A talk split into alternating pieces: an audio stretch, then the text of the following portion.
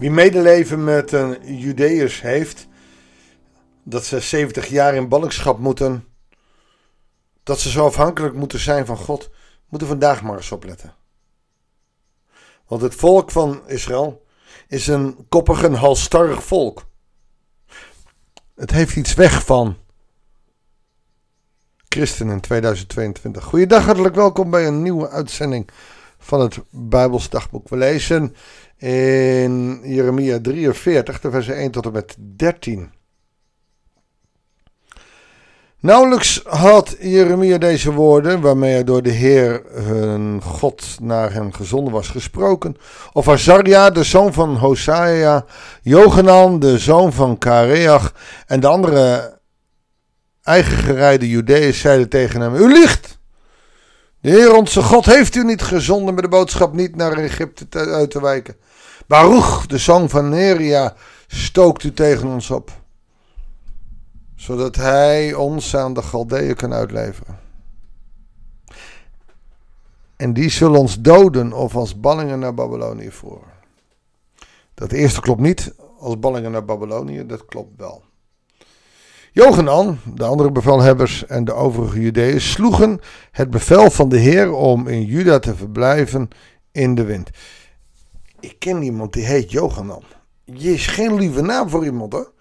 Maar goed, sommigen moeten en zullen Bijbelse namen verzinnen. Dus.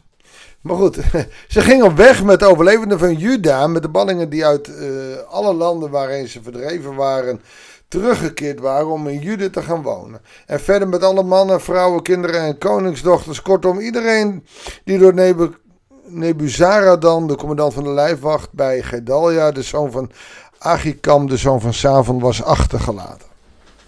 Bovendien namen ze de profeet Jeremia en Baruch, de zoon van Neria, mee. Ze waren de Heer niet gehoorzaam. Ze gingen naar Egypte en kwamen aan in Daphne. Kitjong. Hoe ongelooflijk hypocriet.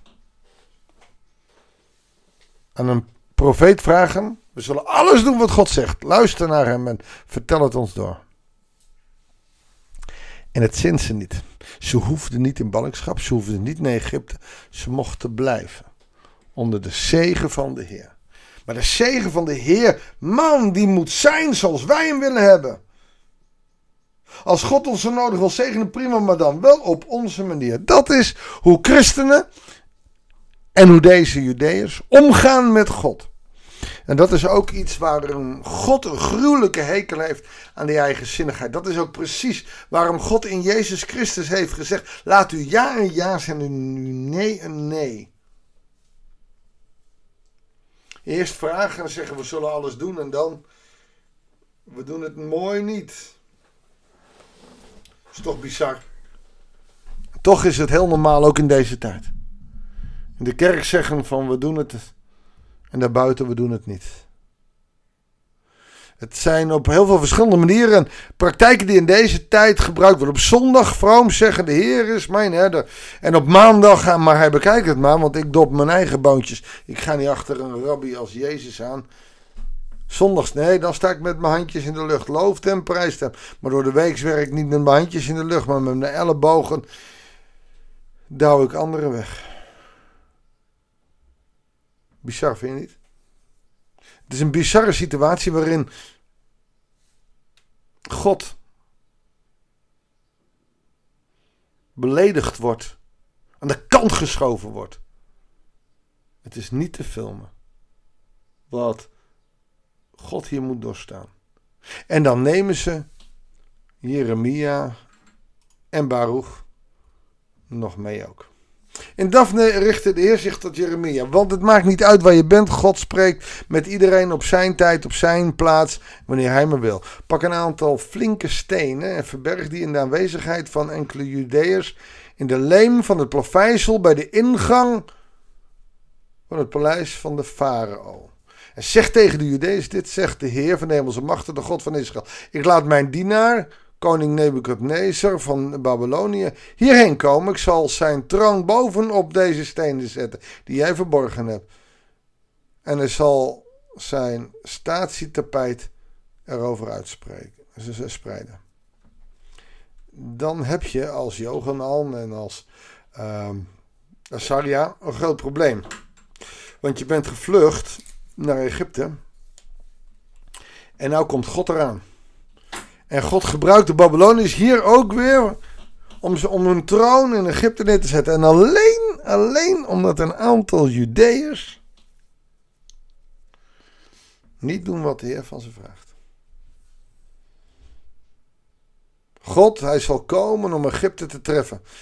Ah, dat hebben ze eerder meegemaakt. Wie bestemd zijn voor de pest, zullen lijden aan de pest. Wie bestemd zijn voor de ballingschap, gaan in ballingschap. En wie bestemd zijn voor het zwaard, worden door het zwaard getroffen. Hij zal in Egypte de tempels in brand steken en de godenbeelden wegvoeren. Zo zal hij heel Egypte ontluizen. Vernederd, hè? ontluizen. Zoals een herder zijn mantel. En er zal ongedeerd vertrekken.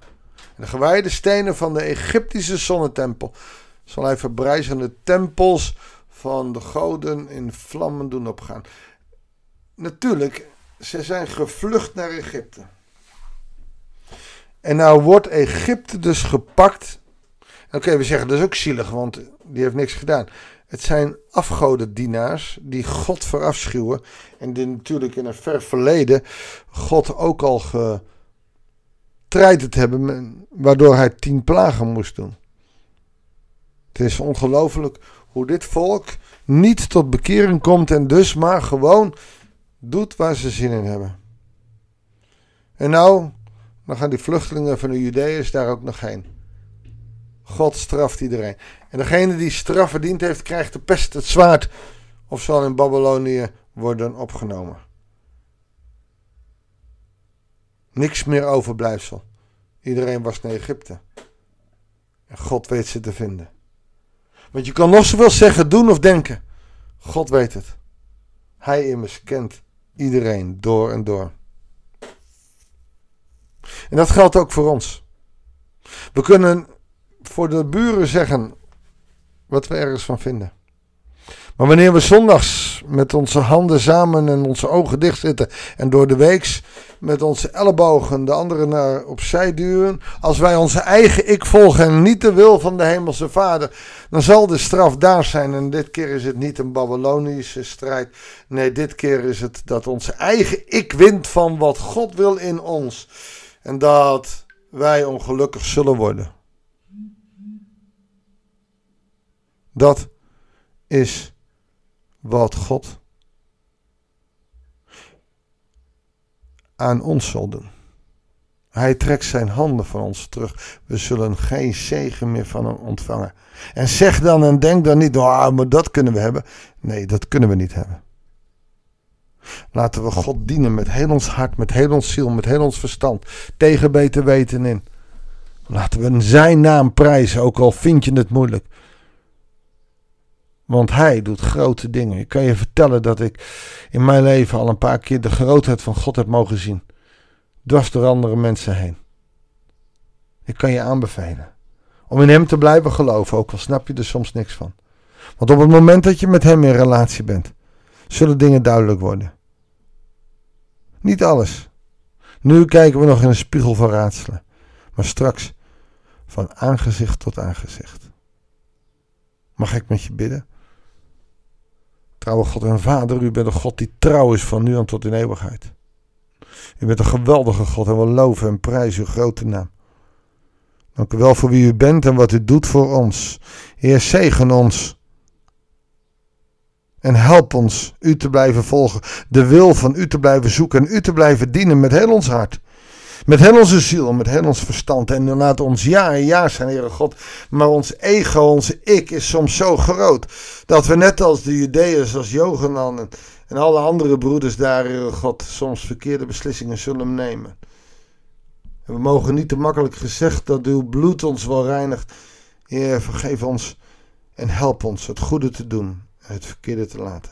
Dat bidden we in Jezus' naam. Amen. Dankjewel voor het luisteren. Ik wens je God zegen. En heel graag tot de volgende uitzending van het Bijbelsdagboek.